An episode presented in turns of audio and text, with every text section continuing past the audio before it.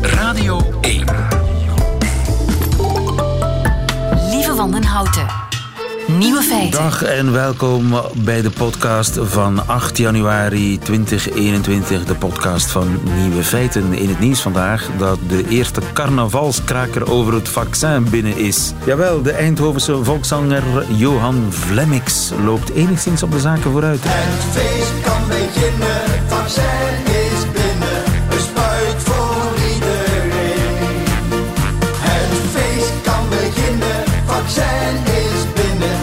zijn weer op de been. Zelf is Johan bijzonder trots op zijn laatste creatie. Van idee tot uitwerking met muziek en eigen clip erbij. Het was allemaal binnen 12 uur gepiept. Vertelt de zanger. Hij hoopt ook dat het nummer mensen kan overtuigen om zich te laten vaccineren. Al is hij zelf nog een prikvertikker. Johan wil liever wachten tot hij weet wat er in dat vaccin zit. Voor hij zich laat vaccineren. De andere wereldhits overigens van Johan Vlemings zijn de wietmachine en een bussie vol met Polen. De andere nieuwe feiten vandaag. De vorige bestorming van het Capitool heeft geleid tot de Vrede van Gent. De tijd gaat echt sneller dan vroeger. Sander van Horen, de NOS-man in Brussel, vindt het heel vreemd dat Vlaanderen op eigen houtje op zoek gaat naar extra vaccins. En Johnny van Zevenhand heeft meer details over onze vaccinatiestrategie. De nieuwe feiten van Nico Dijkshoorn hoort u in zijn middagjournaal. Veel plezier. Lieven van den Houten. Nieuwe feiten. De tijd vliegt alsmaar sneller. Zo lijkt het toch? En het rare is dat het ook nog eens klopt. Want het voorbije jaar was het rapste jaar in 50 jaar. Katrien Kolenberg, goedemiddag. Goedemiddag. Bent Ja. sterrenkundige. Even vooraf, hoe lang duurt een dag eigenlijk? Ja, een dag is gedefinieerd op basis van de rotatie van de aarde rond haar eigen as. En is dat En- precies 24 uur? Een gemiddelde dag, ja, wij, wij zeggen een gemiddelde dag. Dat is een gemiddelde dag, maar eigenlijk duurt een dag geen 24 uur meestal. Niet altijd, nee, het schommelt wat. En het schommelt tussen 24 uur plus Een aantal fracties van een milliseconde. fracties van een milliseconde. Ja. Dat, dat, dat is de, is de schommeling. speling, zeg maar. Ja, dat is de speling. En het kan echt van dag tot dag verschillen. Het verschilt van dag tot dag, ja. En het, Wauw. hang- het hangt af van de aarde. De aarde is eigenlijk een, een levende planeet. De aarde bestaat uit een vloeibare kern. Er zijn oceanen, er, zijn, ja, er, is, er is een atmosfeer. Eh, dus eh, omwille van het feit dat de aarde geen starlichaam is, gaat die ook kleine variaties vertonen in de rotatie. En wat ook meespeelt, is ja, de invloed van hemellichamen, zoals de maan, die vrij dichtbij staat, en de zon. En dat is dus vorig jaar het merkwaardige, dat het aantal rappe dagen is toegenomen. Het aantal rappe dagen is toegenomen, ondanks het feit dat het een, voor vele mensen toch een heel lang jaar leek. Hè? Dat het niet snel genoeg gedaan kon zijn. Wel, goede nieuws is, het was eigenlijk sneller gedaan dan we hadden gepland. Ja, en de rapste dag was 19 juli, lees Ja. ik. 19 juli was een rappe dag. Hoezo? Rappe dag. Die was, ja, die was een aantal fracties van een milliseconde sneller. 1,46 milliseconden sneller Ah ja, dan dus gemiddeld. ja, het is, het is echt een milliseconde. Dat is, ja, dat is, dat is ehm, considerabel. Behoorlijk snel. ja.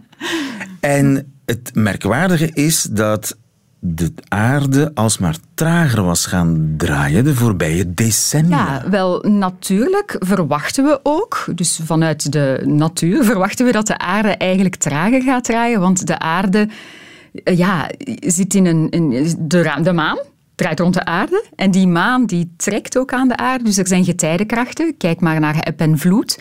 En dus omwille van eh, die interactie tussen aarde en maan verwachten we eigenlijk dat de aarde een beetje wordt afgeremd. De maan trekt aan die getijdenbergen en daardoor krijg je een kleine afremming. En die nemen we ook waar. En dus we hebben waargenomen dat ja, de, de afremming van de aarde bedraagt ongeveer 2 milliseconden per eeuw. Vandaar die schrikkelseconde af en toe. Hè? Ja, inderdaad. Dat de, de, de tijd een, een seconde stilstaat. Ja, om een seconde bij te geven, zodat de aarde kan inhalen.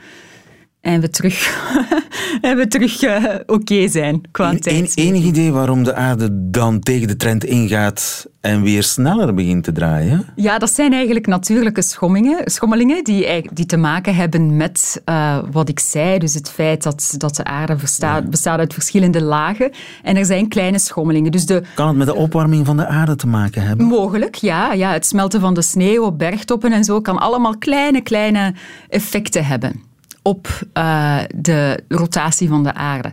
Maar we zien, het is een schommeling. Hè. Als je de wetenschappelijke artikels erop na gaat lezen, zie je dat het eigenlijk een schommeling is. De globale trend is dat de aarde langzamer gaat draaien omwille van dat effect van de maan. Maar ook daarop heb je kleine schommelingen die dan... Oké. Ja. Dus eh, de kans dat we bij wijze van spreken dol gaan draaien ooit, Nee. die, die is nul. Nee, ja, de- het is eerder omgekeerd. Hè. We gaan, we gaan Een langzamer hoep, daar heb je de zonhoep, daar is ze weer weg. Dat, dat, Ja. die, dat gaan we niet meemaken. Nee, Ja, wij mensen zijn ook niet gevoelig aan milliseconden, hè, maar eh, Zijn er apparaten wel gevoelig aan? ja, de tijdsmeting is dat wel. Hè. En ja, daar heb je het. Hè. Wa- Waarom spreken wij over een dag? We willen eigenlijk vat hebben op de tijd. Ja. En ja, Einstein zegt de tijd is relatief, dat is ook zo. Maar hier op aarde willen wij wel een idee hebben van het is nu zo laat. En voor alle telecommunicatie die we gebruiken, hebben wij ook nood aan het kennen van de tijd tot op ja, een fractie van een milliseconde precies.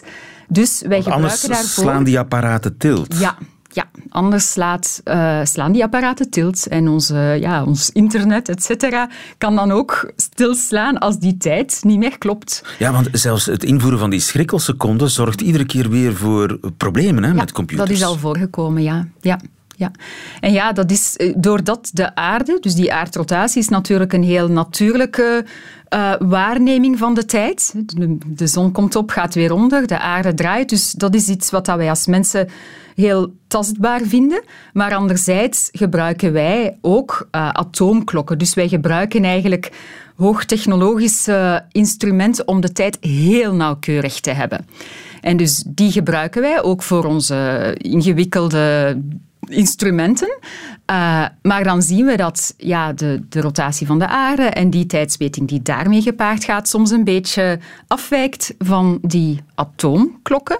En dus daarom wordt die schrikkelseconde ingevoerd. En meestal is het een schrikkelseconde die dan een secondje bijgeeft, hè, zodat we weer uh, op hetzelfde niveau zitten. Maar nu, met die rotatie die wat versneld is, ja, gaat men toch misschien spreken over een negatieve schrikkelseconde. Een negatieve schrikkelseconde.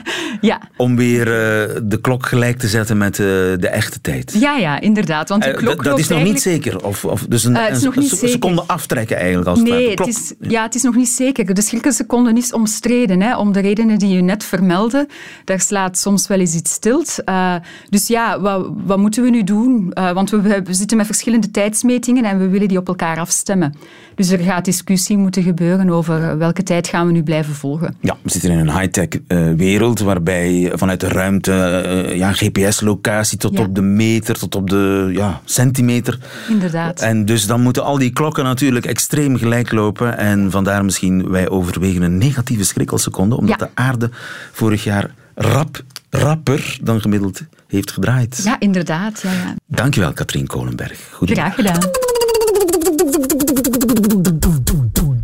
Nieuwe feiten. Het was dus niet de eerste keer dat het Amerikaanse parlement onder de voet werd gelopen. Maar de vorige bestorming van het kapitool is uitgelopen op de Vrede van Gent. Van Gent, inderdaad. Harry de Pape, goedemiddag. Goedemiddag. Je bent onze huis-anglofiel, of een van de twee, zal ik maar zeggen. Want we hebben ook nog een andere, dat is Flip Feiten. Maar jij bent ook historicus. En daarom heb ik jou aan de lijn. Want we hebben het over de Vrede van Gent. Ja. Niet te verwarren ja. met de pacificatie van Gent. Nee, dat is helemaal iets anders. Dat is helemaal iets anders. Ja. De Vrede van Gent is een resultaat van de oorlog van uh, 1812. Die dus duurde tot 1814, gek genoeg. Maar we noemen, we noemen die de oorlog van 1812. De oorlog van 1812 en de pacificatie van Gent, dat is meer dan 200 jaar, 250 jaar daarvoor. En dat heeft met de Nederlanden en de Spanjaarden te maken. Ja, dat is helemaal iets anders. Klopt. Maar dit dus... heeft te maken met de, met, met de Britten en de Amerikanen in, uh, in een conflict van 1812. Even terugkeren naar CNN eergisteren. Anarchists breaking the glass of the United States Capitol, breaking in, then entering.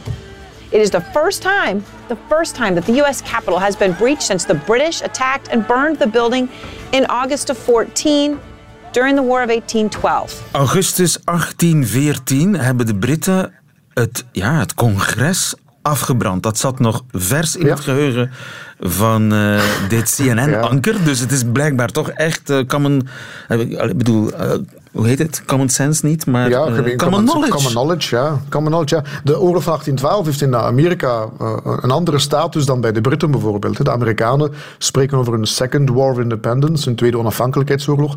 Terwijl voor de Britten is dat een voetnoot in de geschiedenis. Hè. Je moet hen eraan herinneren dat dat ooit heeft plaatsgevonden. Dus het is een tweede- helemaal andere perceptie. De Tweede Onafhankelijkheidsoorlog. Want de Verenigde Ja. Staten waren al onafhankelijk. Klopt. En eh, de Britten hebben ongeveer eh, een dag lang Washington bezet eh, in augustus 1814, 24 augustus 1814 om exact te zijn. En hebben toen eh, ja, heel Washington, dat op dat ogenblik een bouwsite was, want die stad was in volle opbouw, ja, in, in, de, in puin achtergelaten. Hè. Dus in, in, de, in brand gestoken, gebombardeerd, geplunderd, alles wat je kan bedenken, hebben ze de Britten gedaan. Waarom? Dat heeft enorme, enorme impact gehad op, op de, ja, de, de Amerikanen toen. Hè. Dus dat was echt, eh, men dacht dat dit het einde was van de Verenigde Staten op dat ogenblik. Het is gedaan, hè. de Britten zijn terug. Maar, waarom, is waarom waren die. Britten er zo op eh, belust om eh, Washington helemaal Ja, plat dit te is branden? eigenlijk- het, het, het, het was een resultaat van een, van een, een aanslepend conflict. Eh, op zich, waarom is het een voetnoot bij de Britten? Dit heeft voor hen eh, niet zoveel betekenis al dan de Napoleontische oorlogen. De oorlogen tegen het Napoleontische Frankrijk en met Napoleon Bonaparte. Dat was en dit is daar een natuurlijk. elementje van. Was dezelfde tijd. Dat is een elementje daarvan. Eh, ze, zij, de Britten blokkeerden op dat ogenblik Frankrijk langs alle kanten, ook economisch. En de Amerikanen wilden blijven handelen met Frankrijk en kwamen zo ja, in een ruzie terecht met hun vroegere kolonis- kolonisatoren van ja, wij willen die handel doorvoeren. Wat deden de Britten onder meer ook? Zij, zij, zij enterden Amerikaanse handelsschepen en kidnapten Amerikaanse matrozen, want ze hadden matrozen nodig voor hun eigen vloot om te vechten tegen Napoleon. Dus, dat de, Amerikanen die, die, wilden Napo die wilden Napoleon niet boycotten. Ja, klopt. Dat heeft daarmee te maken. Anderzijds ook, wat deden de Britten ook volop. Niet vergeten, Noord-Amerika bestaat ook uit Canada. Canada was nog steeds een Britse kolonie op dat ogenblik. En de Britten die sponsorden eh, eh, ja, autochtone eh, Amerikanen, hè, de indigenous people van de Verenigde Staten, volop in hun strijd tegen de, de, de Verenigde Staten. Dus dat vonden de Amerikanen ook al niet leuk. Dat ze eigenlijk ja, geboycott werden door de Britten op hun eigen continent. Met als gevolg dat de Amerikanen op 18 juni 1812 eh, het Britse Rijk de oorlog verklaren en Canada binnenvallen. Dus Ehm, echt regelrechte dus- oorlog tussen eh, Ja. Amerika en Groot-Brittannië. Eh, Oorlog uitgeroepen in 1812. En eh, Ja. in het kader van die oorlog is in augustus 1814 door de Britten het kapitool bestormd en afgebrand. Klopt. Ja, en dat is een heel verhaal. Hè. Dus de Britten zijn daar eh, gearriveerd. Ze zijn eerst dus het kapitool beginnen bombarderen. Kapitool op dat ogenblik eh, werd beschouwd als het... eh, je mag niet vergelijken met het gebouw dat er nu staat, hè, met die koepel enzovoort. Dat is, dat is van latere datum. Maar de basis van het gebouw stond er wel al. En dat had de mooiste kamers van Noord-Amerika, werd gezegd. Dus het, het maakte wel indruk in die tijd voor de mensen die in Amerika leefden. En de Britten zijn dat gebouw beginnen bombarderen. En dan zijn ze naar het gebouw getrokken, zijn het binnengetrokken. zijn daar allerlei zaken beginnen plunderen. Onder andere de jaarrekeningen van de Amerikaanse staat zijn daar geplunderd geweest. Die jaarrekening hebben ze trouwens eh, eh, in 1940, geloof ik, teruggekregen. Als teken van vriendschap van de Britten dan. Ja. en men heeft dan het gebouw ook in brand gestoken op dat ogenblik. Ja, en was het toen al een, het een witte huis eigenlijk? Jawel, dan, dat is het volgende. Nadien trok men naar het Witte Huis, waar, waar de president trouwens al gevlucht was, James Madison. Trouwens, die oorlog wordt ook wel Madison's War genoemd, omdat niet alle Amerikanen het eens waren met het uitbreken van die oorlog. Maar dat is dan weer een ander verhaal. James Madison was al gevlucht. Ehm, zijn vrouw was wel nog in het Witte Huis, Dolly Madison. En die heeft op de laatste nipper eh, nog een heel groot schilderij, een bekend schilderij van George Washington, dat nu nog steeds in het Witte Huis hangt, gered samen met de hulp van haar slaven trouwens. Want niet vergeten, de president was ook een slavenhouder. Ehm, Die, dat is nog gered geweest en toen kwamen de Britten het, het Witte Huis binnen. Hebben daar eerst nog getafeld, want de tafel stond nog gedekt. En dan hebben de Britten dan opgegeten, de wijn opgedronken en dan was de boel in de fik gestoken. En vandaag nog steeds in het Witte Huis zie je uh, ja, nog vlekken, brandvlekken van die grote brand van uh, 1814. En wel een, goede 26 uur lang was er enorme chaos uh, in Washington zelf. En toen, terwijl die brand volop woedde, moet er wellicht een soort van orkaan gepasseerd, gepasseerd zijn. Men spreekt van een, een regenstorm, men denkt een, een, een, orkaan. En dat heeft de Britten eigenlijk weggejaagd uit Washington. En heeft ook heel die brand gestopt. Want dat is de redding geweest. Dus de regenstormen die, daar, die daarbij gepaard gingen, hebben heel die brand gedoofd. En dat is dan de redding geweest van, van, van de stad en ook van de, de prille uh, bouwzitten die het kapitool dat ogenblik nog vormden. Maar de oorlog is pas gestopt met de vrede van Gent. Ja, dat is op kerstavond. Echt Gent, uh, Oost-Vlaanderen. Gent, ja, ja, ja. Dus aanvankelijk wilde men eerst naar Zweden gaan, maar Zweden was te Fransgezind voor de Britten. De Britten stelden dan Londen voor, maar Londen ja, was het hart van de vijand, daar wilden de Amerikanen niet naartoe. En ging men dus naar Gent. Gent was op dat ogenblik in 1814 dan, hè, was net bevrijd van Napoleon, hè, was al een deel van de Verenigde Nederlanden. Um, en dat was neutraal terrein in de ogen van zowel de Amerikanen als de Britten. En daar is onderhandeld? En daar heeft men dus maandenlang onderhandeld, ja. En, en waar um, precies? Uh, in, het, in het huis van Lieven Bouwens trouwens. Hè. in de spiegelzaal van Lieven Bouwens is de Vrede van Gent uiteindelijk getekend. Daar schilderij van... Was, een, was dat de burgemeester? Ja. Dat is burgemeester geweest in de tijd van Napoleon zelf. En ook de man natuurlijk die de, de, de spinmachines gaan stelen is bij de Britten. Industriële spionage gaan spelen is voor Napoleon. En dus uh, de industriële revolutie in onze gewesten in gang gestoken heeft. Dus een belangrijke figuur, Lievenbouwers. Uh, niet ook niet heel onomstreden figuur, want de wijze waarop alles gebeurd is was niet meteen kosher, maar goed. En dat huis ehm, bestaat dat nog? Uh, nee, dat is, dat, is, dat is niet meer. Dus de spiegel enzovoort bestaat niet meer.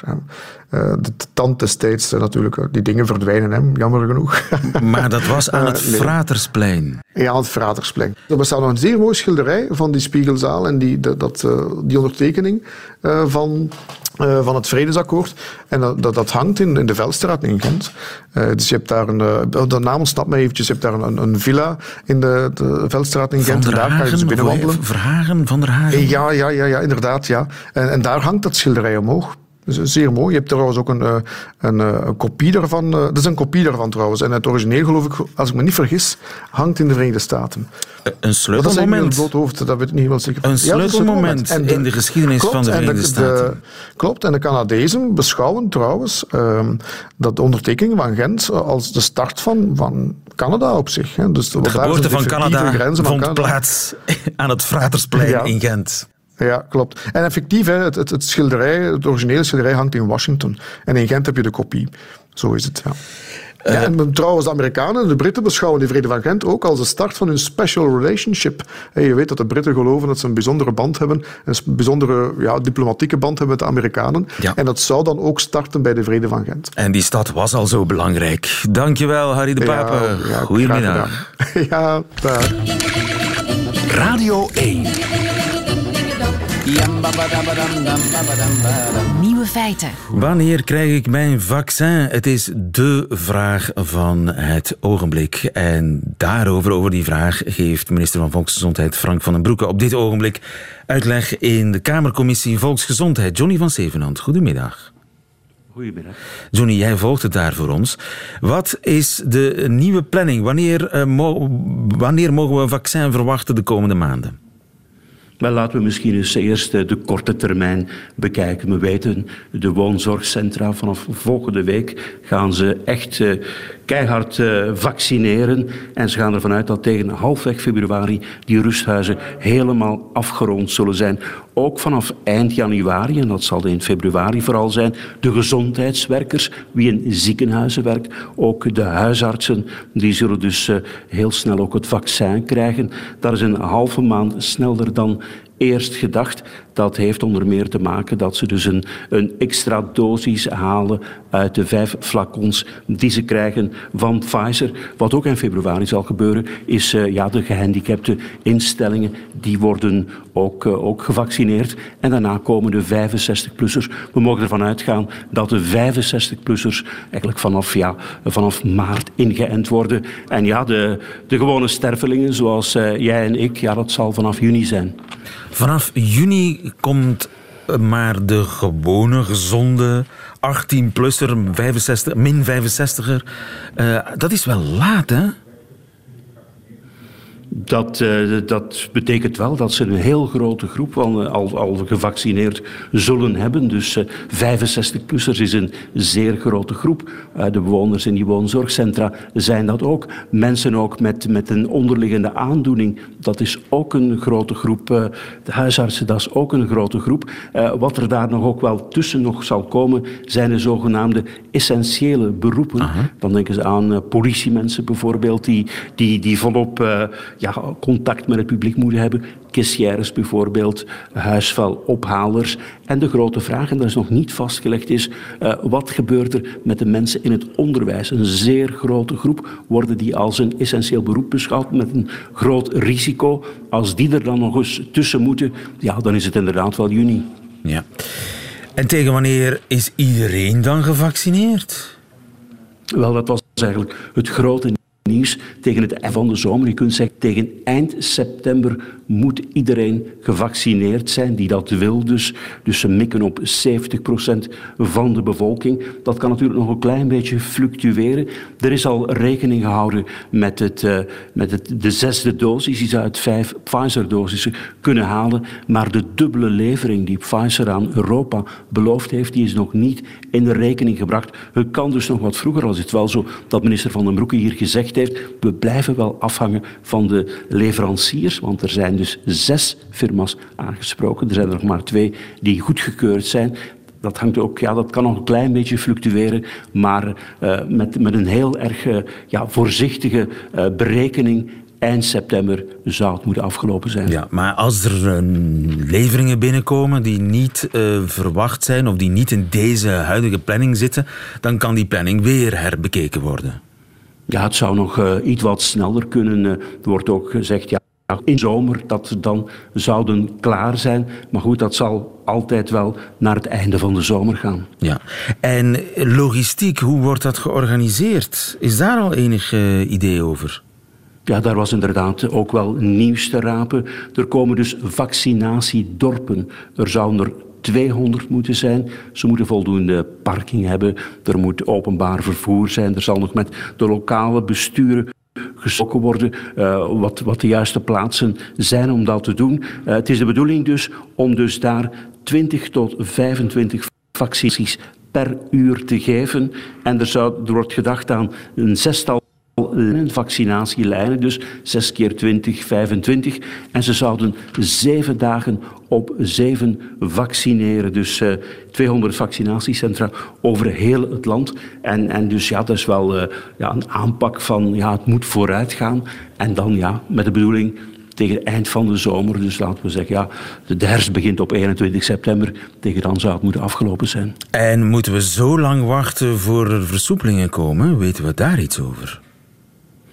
Wel, wat, wat, wat je hoort van, van de virologen is dat er pas hele, helemaal versoepelingen kunnen komen wanneer uh, iedereen, of toch die 70% gevaccineerd is. Want uh, die vaccins, uh, ja, daar zijn ook wel wat twijfels over of ze eigenlijk, ja, ja ze, ze zorgen ervoor dat je niet ziek wordt, maar zorgen er wel voor dat je niet besmet raakt. Dat je het toch nog kunt doorgeven. Dus dat het dan toch nog helemaal de rem is die je zou willen hebben.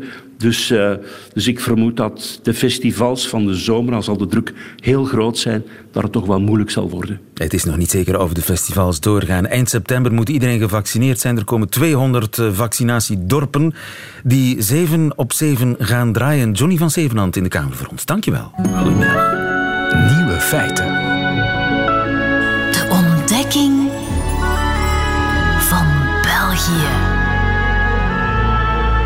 Sander van Horen, gelukkig nieuwjaar. Ja, beste wensen. Beste wensen, ook voor jou Vlaams, wat wij zo dadelijk gaan testen natuurlijk. Ja. Alle beste Nou, de eerste test die kwam al uh, tijdens het fietsen hier naartoe. Okay. Toen ik op mijn koptelefoon naar het uh, nieuws luisterde. Ja. En ik uh, dus hoorde over die extra doses die gekocht zijn door de Europese Commissie. Ja. En dat jij mij dus nu niet corrigeert, dat geeft wel aan dat het allebei mag. Maar bij de VRT hebben jullie het dus over dosissen. En het, het, mag allebei, alleen wij zullen het in Nederland nooit over dosissen hebben. Dosissen is echt Vlaams. Doses, en ik heb het nagezocht of het klopt. Doses. Wij gebruiken het woord eigenlijk niet. Wij zeggen, uh, de Europese Commissie heeft 300 miljoen extra vaccins gekocht. Wat strikt formeel natuurlijk niet klopt. Want als je 300 miljoen vaccins hebt dan heb je van elk vaccin maar één dosis nodig om iedereen te kunnen enten. Dus, Als ze iets Fransachtigs kunnen zeggen, zullen ze het niet laten. Maar los daarvan, wij, wij, wij korten het dus af. Wij zeggen 300 miljoen vaccins, wat strikt formeel natuurlijk niet klopt. Want je hebt maar één vaccin en daar heb je 300 miljoen doses of dosissen van. Um, maar dat betekent dus dat jullie het zoals altijd met die taal weer correcter doen, maar door, daardoor wel wolliger, minder direct. maar goed, dat ging Laten we niet op het examen Vlaams vooruitlopen. Wat is jou deze week opgevallen, Sander? Nou, het heeft wel met die dosis, dosissen te maken. okay. Het was een klein artikeltje gisteren in de krant en het verbaasde me. En het verbaasde me dat er zo weinig ophef over was. Jan Jan Bon, die is voor de Vlamingen, natuurlijk, want daar is hij premier van, extra doses heeft proberen te kopen bij Pfizer. Ja, en dat, en dat uh, vind jij chockerend? Dat vind ik nogal chockerend. Ten eerste, om wat het, waar het voor staat. Uh, toch een beetje het eigen volk eerst. Ten tweede, uh, wat het betekent. Maar ik snap waar die politiek vandaan komt. Hè? Dus hij, hij staat daar voor de Kamer en uh, uh, door heel Europa, ook in Nederland, Duitsland, Frankrijk. Er blijven de doses. Ja, is er natuurlijk kritiek op de snelheid van de vaccinatie. Dus dan sta je daar als premier en dan wil je vooral zeggen van nou ja, het ligt natuurlijk aan Europa, het ligt aan België, maar heb ik dan zelf helemaal niks gedaan? Jawel, ik heb als Vlaams eerste minister heb ik met Pfizer gebeld. Nul op het request gekregen, maar ik heb in elk geval gebeld. Ja. En zou de, heeft de Nederlandse premier dat niet geprobeerd? In het begin wel. En dat vind ik het aardige. In het begin, nog voordat de Europese Commissie uh, uh, vaccins ging kopen, uh, was er een kopgroepje van landen: Duitsland, Frankrijk, Italië en Nederland. En die hebben toen een deal gesloten met één farmaceut om vaccins te kopen. Je had Maggie de Blok toen moeten horen. Die was woest op Nederland. Het was een soort. Asociaal. Asociaal was het woord wat ze gebruikte. En dat kun je dus nu ook over Jan Jan Bon zeggen. Maar asociaal vanuit de Waal, je zal toch een Waal zijn. Stel dat het hem gelukt was. Een aantal, één is al genoeg, uh, extra vaccins voor Vlaanderen. En niet voor Wallonië, niet voor de Brusselaars. Die hadden ook maar moeten en, onderhandelen. Wacht even hoor, is dit dan Vlaams gemeenschap of Vlaams uh, uh, gewest? Geen moeilijke vragen stellen. Nou ja, want ja. Nee, maar dat is dus voor de Brusselaars is dat wel relevant natuurlijk. Hè? Krijgen een Vlaamse, nou, et cetera. Dus wat, wat bereik je daarmee? Bovendien, stel dat het dus gelukt was om ze snel te krijgen. Dan zou dus meneer Jan Bon een aantal, of Duitsland of Denemarken, want ze hebben het allemaal geprobeerd. Of uh, Duitsland is het zelfs gelukt om extra te kopen, bovenop het Europese quotum. Maar stel dat je die dus vooraan krijgt, dus dat je die morgen al geleverd krijgt. Dat betekent dus dat dat aantal vaccins niet naar een ander land gaat. En daar dus in theorie levens kost. Dus wat je dan had bereikt, is dat niet alleen de Walen, maar misschien ook de Nederlanders, de Duitsers, naar Jan Bon hadden gekeken van wat ben jij voor matenaaier? Ja, maar wacht eens even, de Duitsers doen het precies hetzelfde. En ook daar zie je dat die blik vanuit Europa toch wel een beetje is. Hè? Niet voor niks dat de Europese Commissie vandaag aankondigt dat er extra vaccins gekocht zijn. Ze snappen natuurlijk ook wel waar die druk op die nationale of regionale hier leiders vandaan komt. Maar stel dat het hem wel gelukt was, maar dat en dat lijkt een beetje zo te zijn bij Duitsland, dat uh, Pfizer in dit geval had gezegd: jullie krijgen als alle vaccins aan alle anderen geleverd zijn. Ja, ja. Dus dan, dan, is dan gaat het niet ten koste van. Nee, maar dan heb je er ook niks meer aan. Ja. Want bedoel, zelfs zonder die extra aankoop van 300 miljoen uh, doses door de uh, dosissen vaccins door de Europese Commissie.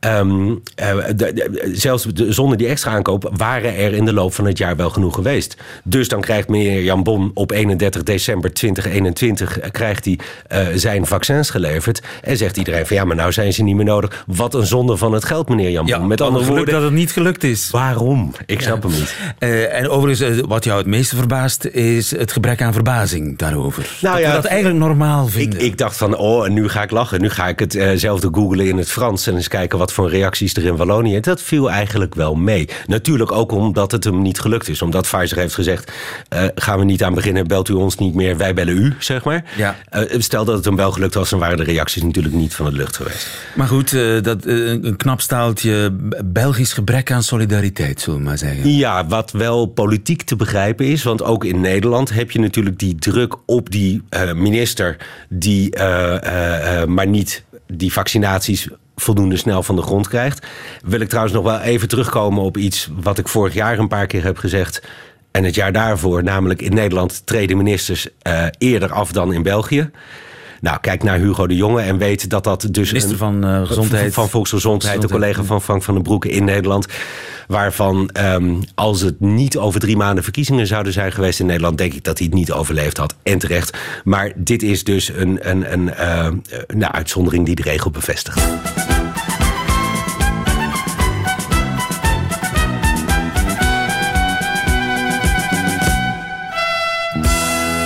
Examen Vlaams.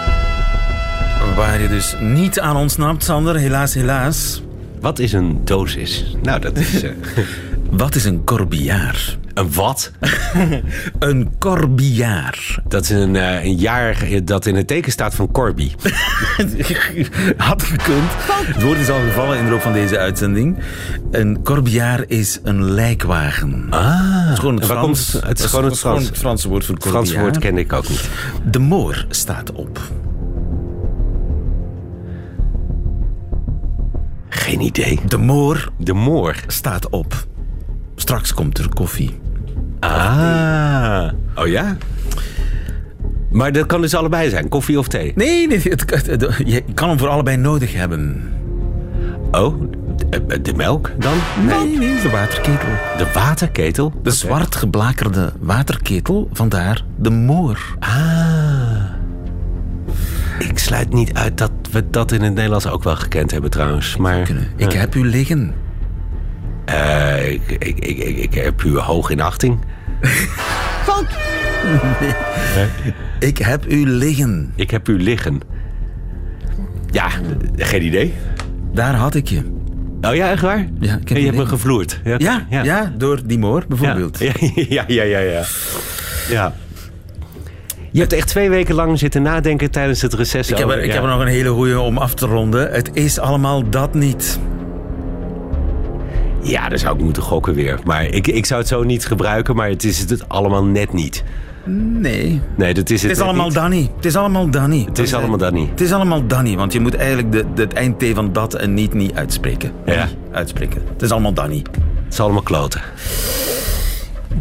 Het komt in de buurt. Ja. Het is eigenlijk moeilijk vertaalbaar. Het is een stopzinnetje, wat mensen heel vaak gebruiken, ook om de tijd te vullen, om een, een stilte te vullen in een gesprek. Het is allemaal Danny. Het betekent iets als, het is, ja, het is erger dan het lijkt. Het is geen pretje, het is geen wandeling door het park. Het valt tegen. Okay. Hoe zou je dat in Nederlands, Nederlands, Nederlands, hoe zou je dat in Den Haag zeggen? Het is me wat. Het is me wat. Dankjewel. Tot volgende week. 0 uit 4, stel ik even vast. Radio 1, altijd benieuwd. Dat waren ze, de nieuwe feiten van 8 januari 2021.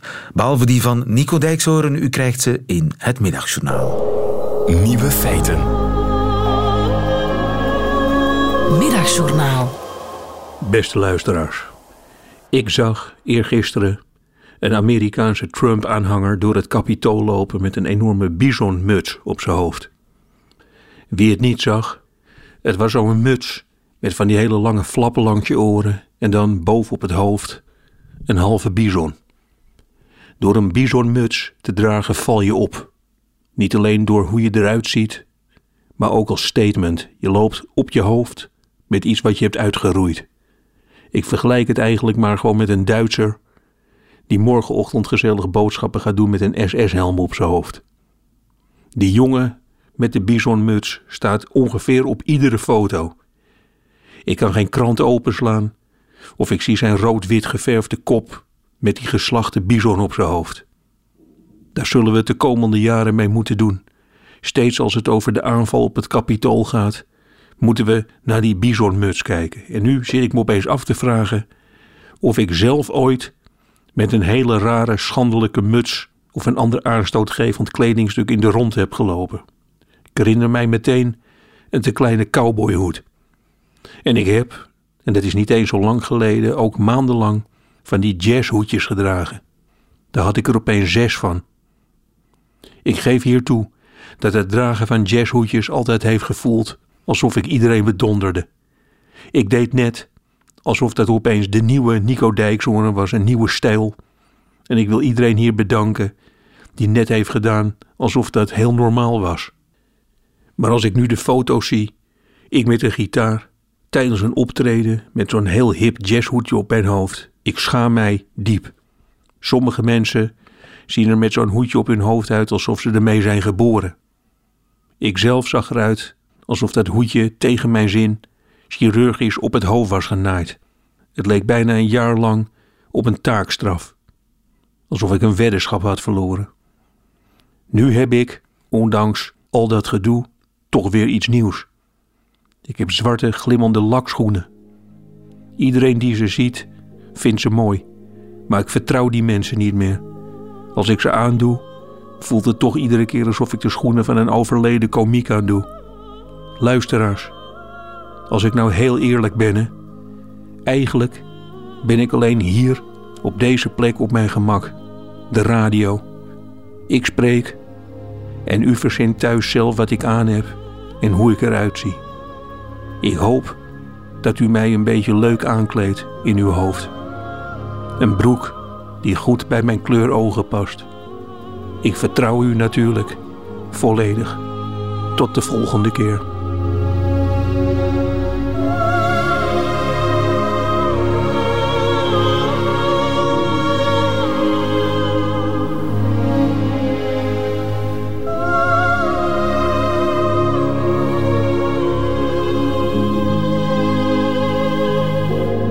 Middagjournaal met Nico Dijkshoorn. Einde van deze podcast. Hoort u liever de volledige uitzending van Nieuwe Feiten? Dat kan via onze website of via onze app. Waar u overigens nog veel meer fijne podcasts vindt. Tot een volgende keer.